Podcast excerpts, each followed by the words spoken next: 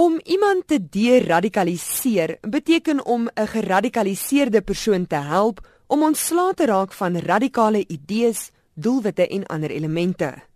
Dit is 'n warm besprekingspunt, veral nou dat 'n 16-jarige Duitse meisie in aanhouding in Irak is. Luidensberigte het Linda Wenzel belangstelling begin toon in die moslem geloof en Islam bestudeer. Kort daarna het sy verdwyn. Gerugte wil dit hê dat sy by die Islamitiese staat aangesluit het, dat sy die tienerbruid van een van die ISIS vegters is en dat sy 'n skerpskutter vir hulle is. Sy is deur die Irakese owerheid in hegtenis geneem juis omdat sy verdink word van bande met die gevreesde terreurorganisasie.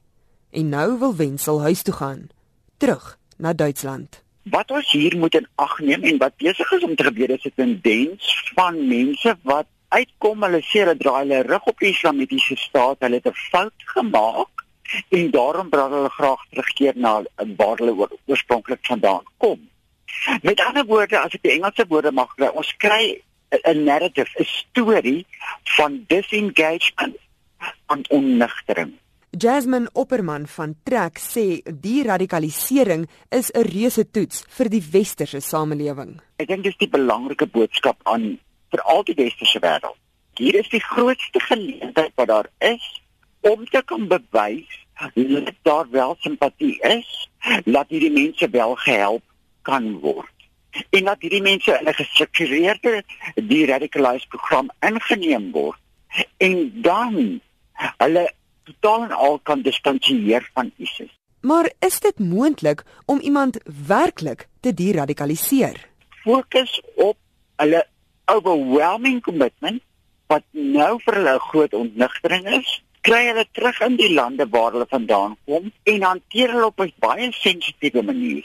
En as jy daai gedragspatroon kan verander, gaan jy sien dat individue op 'n punt gaan kom waar hulle die ideologie begin bevraagteken. Is dit moontlik? Ja. Kan mens ooit sê 100% hierdie persoon is gederadikaliseer? Nee. Opperman was self ook betrokke by die radikaliseringsprogramme. Elke geval is uniek. Elke individu word gedryf of is gedryf deur sekere faktore in die onmiddellike omgewing en die vriendekring en in die omgewing waarin hulle groot geword het.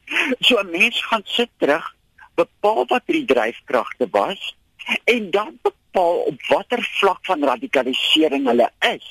Met ander woorde het hulle die as ek praat wat van die threshold oorgaan om by geweld betrokke te raak of is hulle net aan die ideologie van iets gekommod. Sodra jy dit bepaal het, begin jy met 'n program wat spesifiek vir daai individu aangepas word. Sy sê 'n groot uitdaging vir die tipe programme is dat daar te veel druk op mense geplaas word om afstand te doen van hulle ideologieë eerder as om die fokus op gedragspatrone te plaas.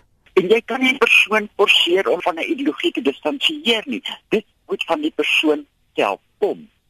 Sielkundige berading is ontsettend belangrik.